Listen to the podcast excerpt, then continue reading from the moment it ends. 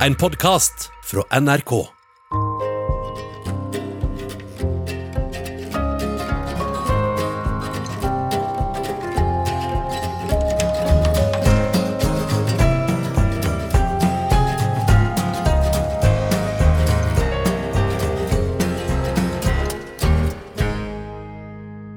Har du noen gang latt som du ikke har feber?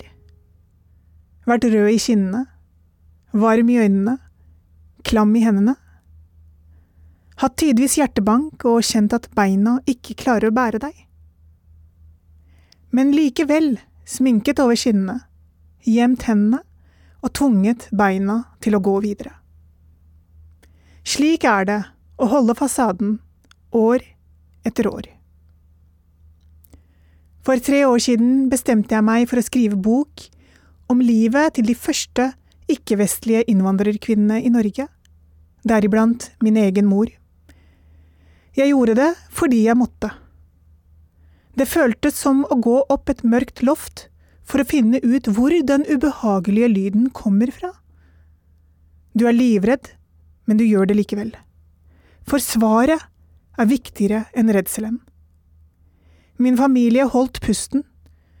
Jeg hadde tatt opp en slegge, og det var patriarkatets fasade som sto for fall. Jeg heter Shazia Majid. Jeg er journalist og forfatter, og i denne timen med Sommer i P2 skal jeg snakke om det å bli undervurdert, som kvinne og som etnisk minoritet. I can't keep quiet.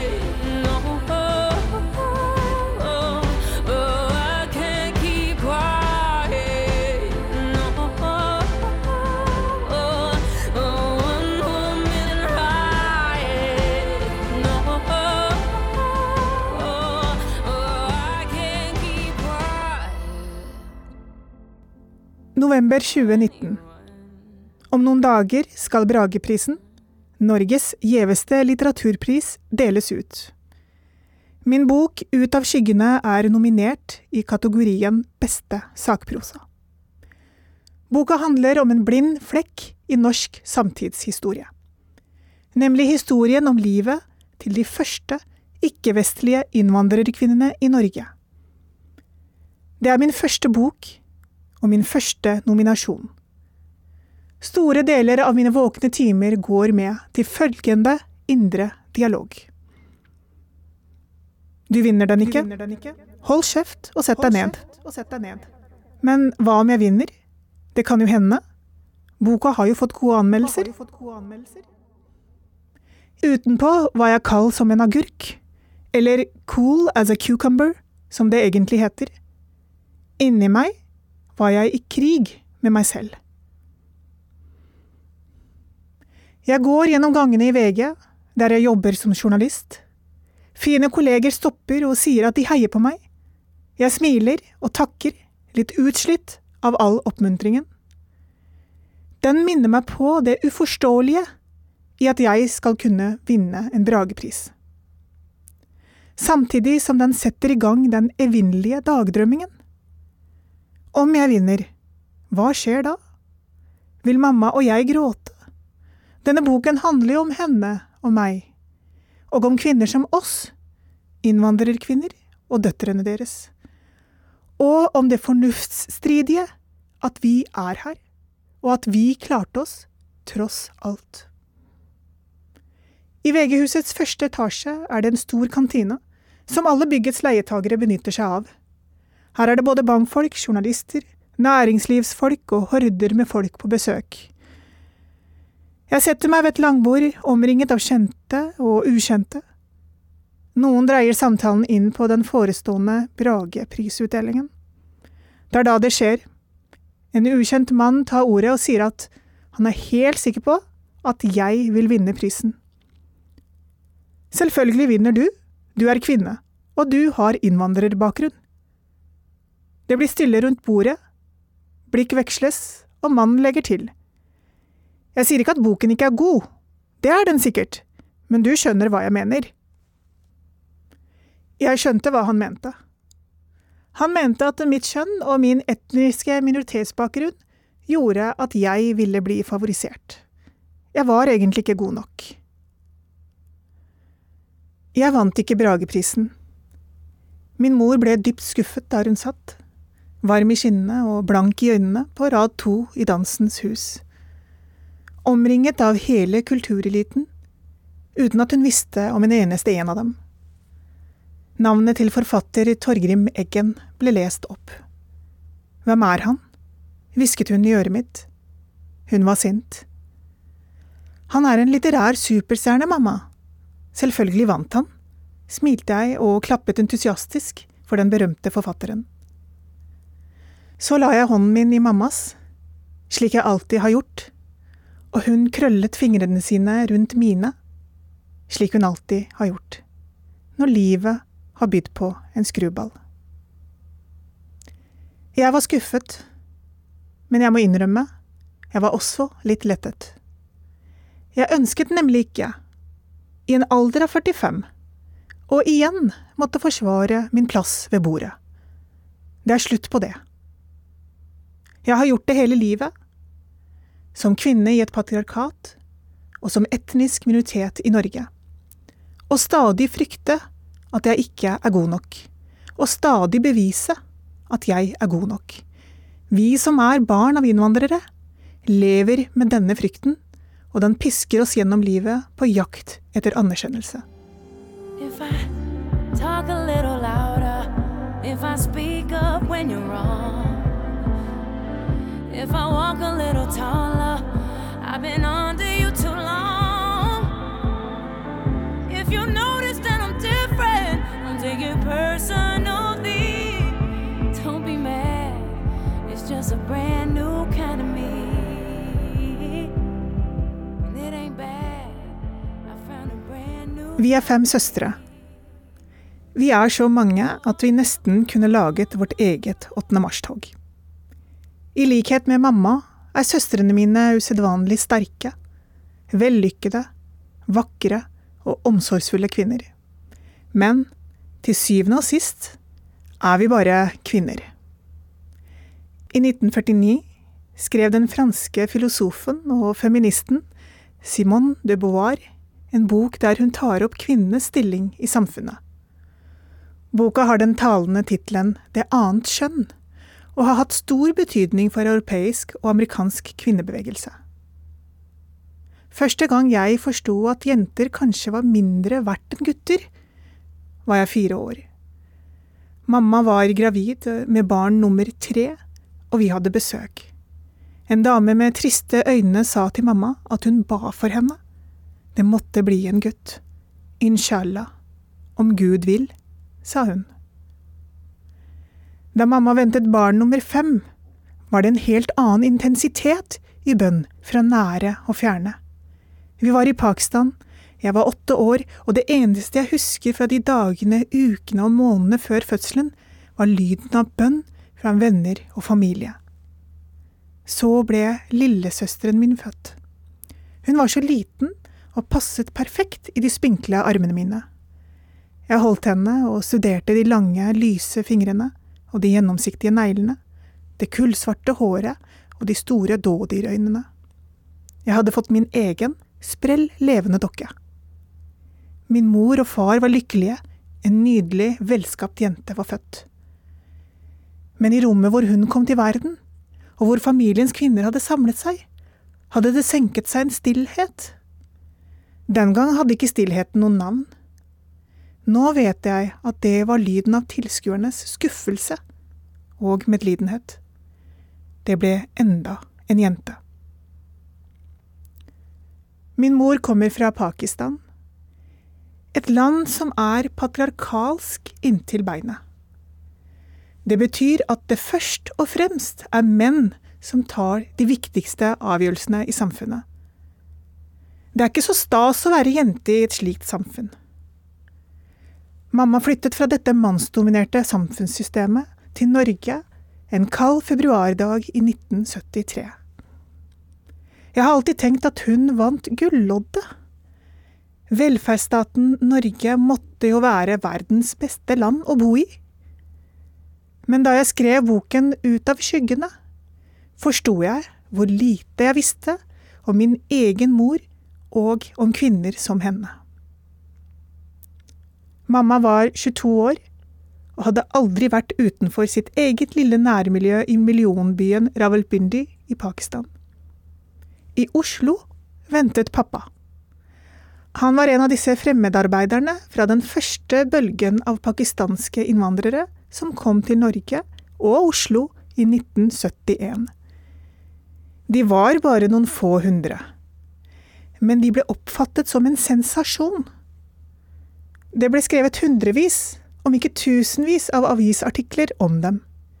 Men det som var enda mer sensasjonelt, men som ingen skrev om den gangen, var de pakistanske kvinnene. Særlig de som gikk ut i jobb. Mamma var en av dem. To uker etter at hun landet på Fornebu i Oslo, begynte hun å jobbe ved Oslo Reiseeffektfabrikker. En rademager ung kvinne. Uten språk. Uten de sosiale kodene. Uten flokken sin. I et vilt, fremmed land. Hun gråt til og fra jobb, og mange ganger på jobb. Faren min hadde to jobber. Han tok ofte mamma med på kveldsjobben som vaskehjelp. Det ble lange, tunge arbeidsdager som kunne vare i 14 til 16 timer. Men mamma holdt ut. Hun hadde ikke noe valg. Hun var i Norge på arbeidsvisum, ikke familiegjenforening. Og da måtte det være slik. Hun måtte jobbe, like mye og like hardt som ham, mente pappa. I mitt liv og min historie har det vært en tydelig skurk – patriarkatet. For patriarkatet gjør kvinnene maktesløs. Da jeg begynte å skrive boken om innvandrerkvinnene, ble jeg konfrontert med min egen uvitenhet. For selv i et patriarkat har kvinner hatt en form for makt. De står nemlig aldri alene. I land som India og Pakistan overlever kvinnene mannsdominansen i sine samfunn ved å danne allianser, mobilisere familien og bli hjulpet av hele kvinnefellesskapet. Dersom mannen slår, får han hele hennes familie på døra. Føder hun barn, står hele søsterskapet til rådighet, så hun får hvilt ut og kommet seg. Men dette ble min mor og kvinner som henne frarøvet da de kom til Norge. De mistet mer enn jeg hadde ant. De mistet språket, de mistet de sosiale kodene, og de mistet søsterskapet de kjente fra hjemlandet. Fellesskapet som tok vare på dem og sørget for en trygghet, og som aldri ble erstattet i det nye landet. Snarere tvert imot. Mange av dem levde i isolasjon, i kalde, trekkfulle leiligheter i de dårligste bygårdene i Oslo sentrum. Der var de prisgitt én eneste person – ektemannen, patriarken. Først nå, i en alder av 45 år, forstår jeg hvilket liv mamma forlot da hun reiste fra Pakistan som ung kvinne, og hvor tøft livet hun fikk i Norge var. Først nå ser jeg hva hun kjempet mot, og alt hun har ofret for oss hennes fem døtre. Nå når jeg har blitt journalist og forfatter, og har hatt muligheten til å studere min mors historie, ser jeg hvem jeg er. Jeg er datter av en kvinne som hadde alle odds mot seg. Jeg sitter her fordi mamma sto opp for meg da det gjaldt som mest. Da jeg skulle begynne i første klasse på barneskolen, sendte pappa oss til Pakistan. Han ville at vi skulle være der for godt, så vi ikke skulle bli fornorsket. Vi bodde der i tre år. Barn blir vant til det meste, men mamma visste at vi fortjente bedre. Hun ville gi oss et liv og muligheter i Norge. Hun protesterte fra starten, men ble ikke hørt. Til slutt klarte hun likevel å lure oss tilbake ved å si at vi bare skulle være her i ferien men vi dro aldri tilbake til Pakistan. Det var mamma som satte seg ned for å hjelpe oss med leksene. Det gjorde hun hver kveld, helt til jeg gikk i tiende klasse, selv om hun ikke kunne så godt norsk selv. For henne betydde utdanning alt. Hun ville at vi skulle bli noe. At vi skulle stå på egne bein, koste hva det koste ville. Det var også mamma som nærmest tvang meg til å begynne på BI og fullføre min utdannelse etter videregående skole, den gangen jeg trodde livet mitt allerede var over. You've got the words to change a but you're biting your tongue. You've spent a lifetime stuck in silence, afraid that you'll say something wrong. If no one ever hears it, how we gonna learn your song? So come on, come on, come on, come on. Da jeg var 18 år, giftet jeg meg med mitt livs store kjærlighet. Min 22 år gamle fetter fra Pakistan. Jeg gikk på Bredtvet videregående skole i Groruddalen i Oslo. Det var russetid, men jeg var mest opptatt av eksamenslesing og ektemannen min. Så ble han plutselig syk. Jeg trodde det var halsbetennelse. Men så døde han noen uker etter at han kom til Norge. Han hadde aggressiv blodkreft. Det var ikke noe legene ved Ullevål sykehus kunne gjøre for å redde livet hans. Det var sommerferie, og der satt jeg, en 18 år gammel ungjente, utlending og nå også enke. I vår tid er det vanskelig å forstå at det å bli enke skal ha noe å si verken fra eller til for en kvinnes liv. Men slik har det ikke alltid vært. En kvinne eksisterer hos oss kun gjennom familien. Det er mannen. Over den enslige kvinne har århundrer uttalt sin dom. Du skal dø, savnets, ensomhetens og glemselens død. Det skrev kvinnesakskvinnen og forfatteren Camilla Collett på midten av 1800-tallet. Slik var det for Collett da hun ble enke i 1851 og slik var det for meg i 1993. Camilla Collett og jeg tilhørte begge et mannsdominert, kollektivistisk samfunn. Mens det norske samfunnet hadde tatt et kvantesprang ut av patriarkatet, og et samfunn der slekt og sosial stand definerte kvinners liv, hang det norsk-pakistanske miljøet igjen i det gamle. Året etter at mannen min døde, var det en norsk-pakistansk gutt som spurte om jeg ville gifte meg med ham. Jeg var bare 19 år og betrodde meg til en av mine norsk-pakistanske venninner. Hun gjorde det klinkende klart at jeg ikke hadde noe valg, for jeg, som var enke, ville aldri finne noen andre. Jeg har brødre, og jeg er glad i deg, men jeg hadde aldri valgt deg til noen av brødrene mine sa hun. Ja, patriarkatet har sine kvinnelige tilretteleggere. Det var antakelig et medlidenhetsfrieri, tenkte jeg. For hvorfor ellers skulle han velge å gifte seg med en B-vare? Han som selv aldri hadde vært gift. Jeg takket nei til frieriet. Men jeg hadde flaks. Jeg traff min fremtidige ektemann kort tid etter. Vi gikk mot patriarkatet og giftet oss. Å bryte normer har sin pris. Som når noen blir tatt for forræderi og må leve på nåde resten av livet. Undervurdert og på nåde.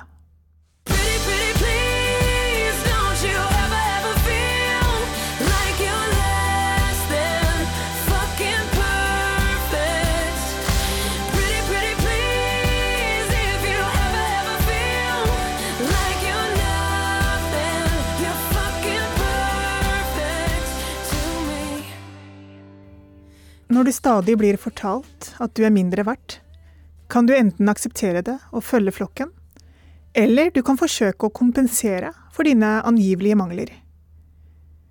Fra jeg var ei lita jente, har jeg forsøkt å gjøre det siste. Det gikk en faen i meg tidlig. Jeg skulle vise dem. Og jeg valgte å vise dem gjennom å prestere. Prestere på skolen, prestere på jobb, prestere med oppdragelse av egne barn, prestere på kjøkkenet.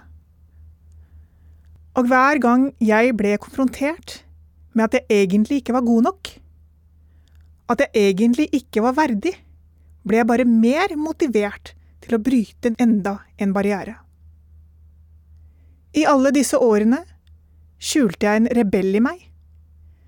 Jo eldre jeg ble, dess mer slet jeg med å akseptere denne undervurderingen kvinner som meg møter. I 2009 hadde jeg fått nok. Min godt betalte jobb som økonomisjef ga ikke lenger mening. Jeg ønsket noe mer. Jeg ville endre på systemene som pisket innvandrerkvinner og døtrene deres gjennom livet. Det var store tanker, men det var ærlige tanker. Jeg kjente at det var viktig for meg. Jeg valgte å søke meg inn på journalistutdanningen ved Høgskolen i Oslo og Akershus. Det skrevne ord. Alle har vi hørt at det kan være mektig. Jeg kom inn på studiet på minoritetskvoten etter at noen trakk seg fra sin studieplass. Den godt betalte jobben var borte. Hjemme hadde jeg to smågutter og et altfor digert boliglån. Studielånet fra Lånekassen var småpenger for en barnefamilie på fire. Alle jeg kjente, fortalte meg at det var galskap det jeg holdt på med, og at dette kunne jeg ikke få til. Og da skjedde det som alltid skjer. Jeg skulle vise dem. Og det gjorde jeg. En periode bakte jeg fjonge bryllupskaker på si, og solgte til venner og kjente. Ja, du hørte riktig. Jeg bakte bryllupskaker for å spe på inntekten. For å ikke være den som ikke tar sin del av ansvaret. Blir man presset hardt nok, kan man gjøre de mest utrolige ting. Det studieåret fikk jeg vikariat som reporter i TV 2. Mange av mine studiekamerater som fikk slike jobber, hoppet av studiene. Målet var jo nådd. Men ikke meg, nei. Jeg skulle ikke bare fullføre studiene. Jeg skulle gjøre det med glans. Og alt dette mens jeg jobbet turnus, og i tillegg gikk hjem og var den beste mamma jeg kunne være. En periode hang bachelorgraden i glass og ramme, som et symbol på blodslitet. Nå vet jeg ikke hvor den er. Høsten 2011 satt jeg ved desken på nyhetskanalen i TV 2 og redigerte et intervju som nettopp var blitt direktesendt. Da kom det en telefon fra en sjef i VG som lurte på om jeg hadde lyst på et kort vikariat i avisen. Slik funker det ofte i pressen. Man trenger folk, hører noen er bra, og prøver dem ut i vikariat. Gjerne i årevis.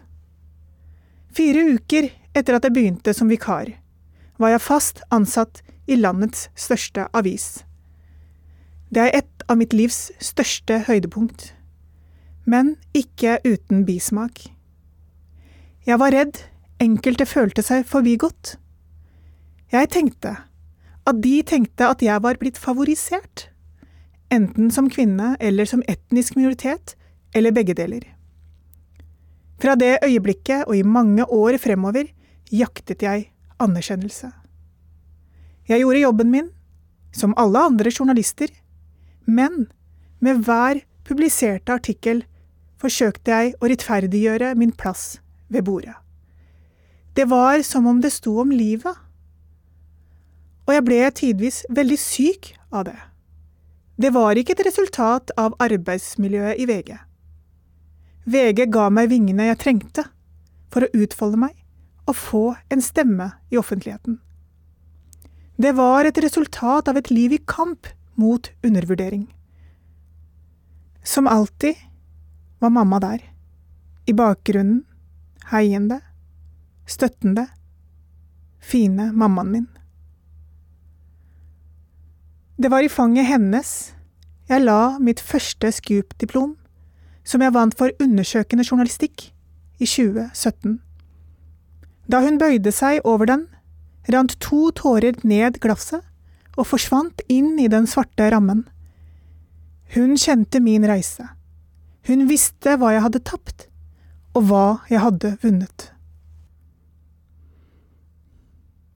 Da Abid Raja ble kulturminister, gråt han ved den høytidelige nøkkeloverrekkelsen i Kulturdepartementet. Journalist og spaltist Mariam Iqbal Dahir skrev om dette noen dager etter i Aftenposten.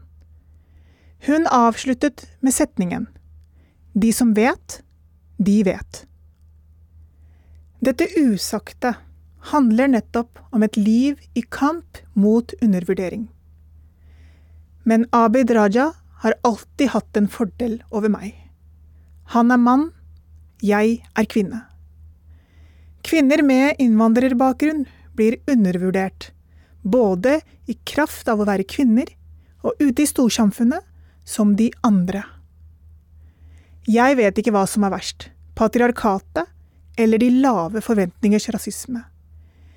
Men om jeg likevel skulle velge én, tror jeg det må bli hvordan patriarkatet, nærmest umerkelig, knebler, skremmer og straffer kvinner til å innordne seg.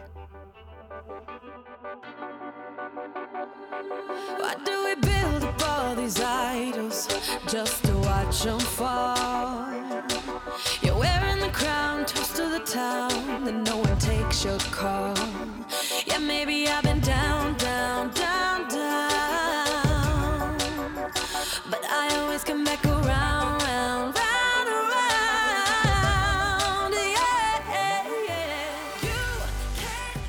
mange år har jeg hatt lyst til å skrive bok. Men jeg var redd. Det var mye å skamme seg over. Vi kom ikke fra et møblert hjem. Det var ikke ordning og reda. Når verden så oss, så de vellykkede kvinner.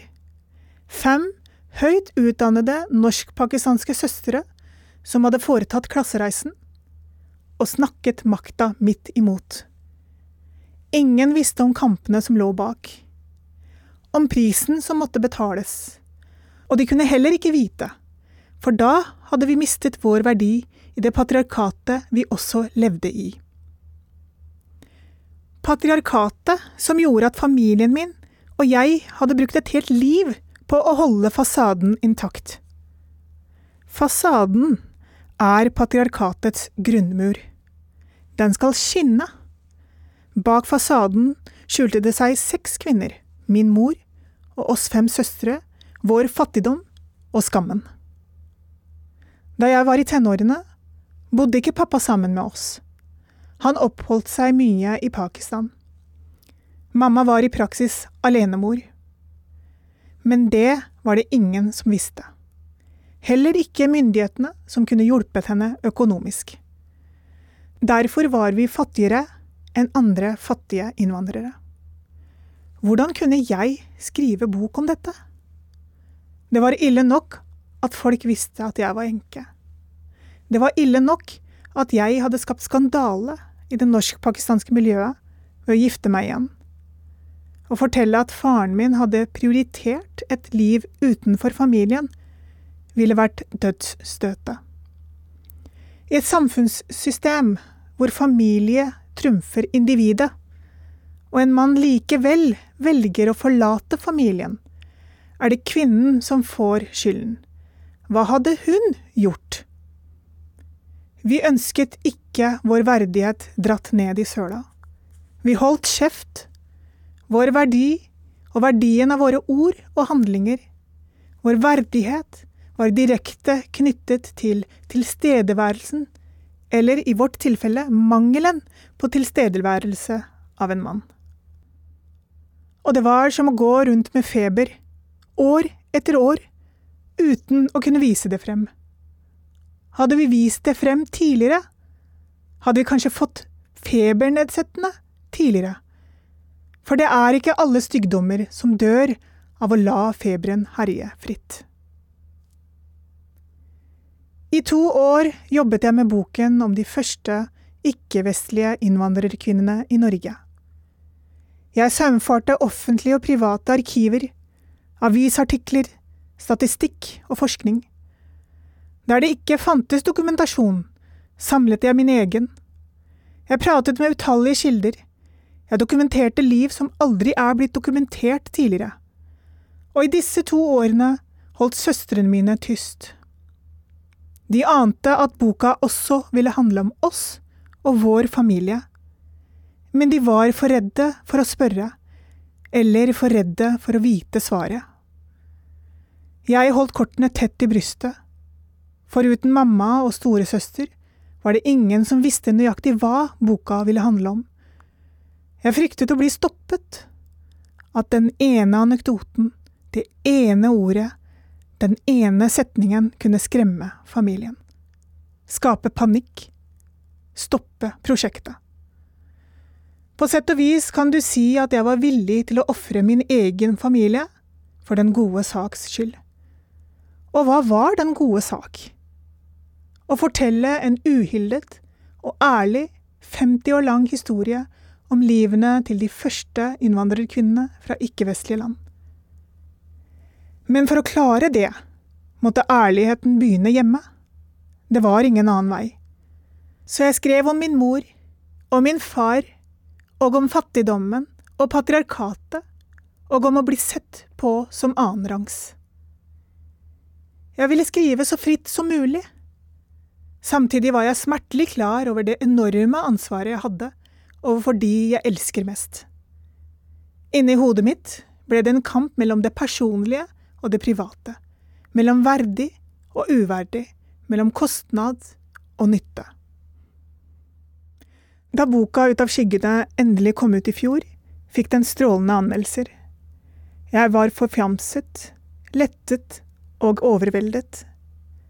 Det hele ble markert med lanseringsfest i Aschehougs ærverdige lokaler. Ute sildret vannet fra fontenen med bronseskulpturen Evig liv. Inne trippet jeg nervøst på høye hæler. Stivpyntet i min svarte, pakistanske silkekjole. Det var stinn brakke. Jeg gikk på scenen, så utover og forsto at jeg var omringet av folk som har løftet meg og elsket meg. Ellers hadde jo ikke jeg stått her. Jeg var svimeslått av øyeblikket. Jeg vil takke mamma for at hun lot meg fortelle, begynte jeg, mens jeg pekte på mamma.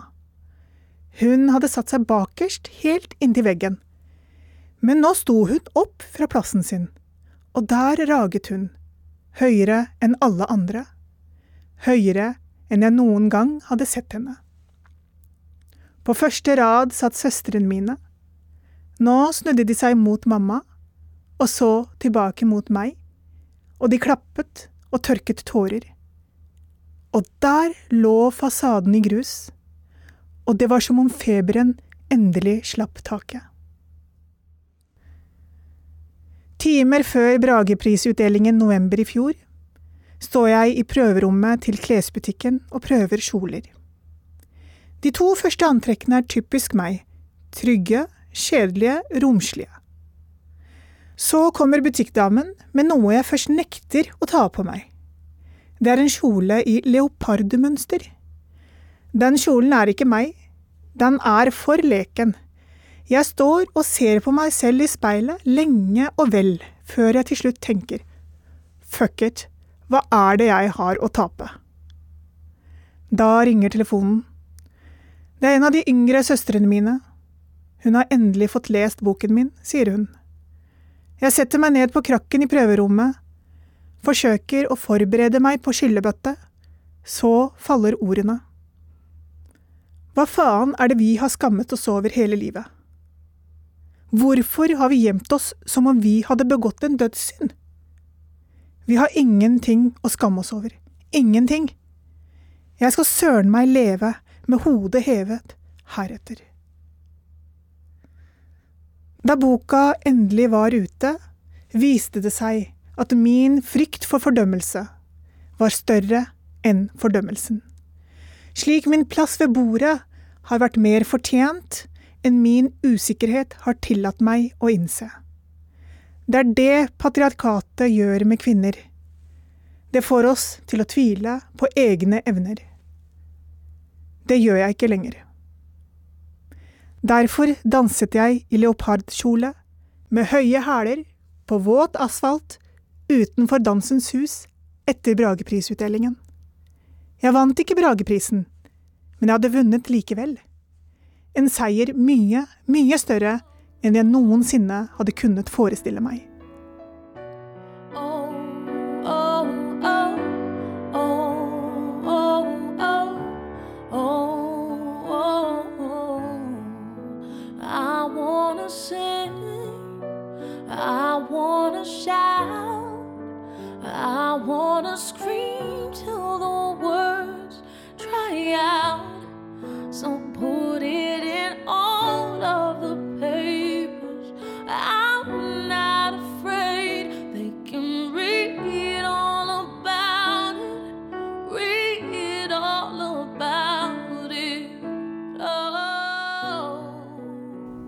Har hørt Sommer i P2 med journalist og forfatter Shazia Majid.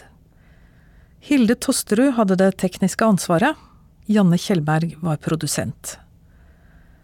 Dersom du vil høre radioversjonen med all musikk, kan du finne den på NRK Radio, på mobil, nettbrett eller PC. Du har hørt en podkast fra NRK. Hør flere podkaster og din favorittkanal i appen NRK Radio.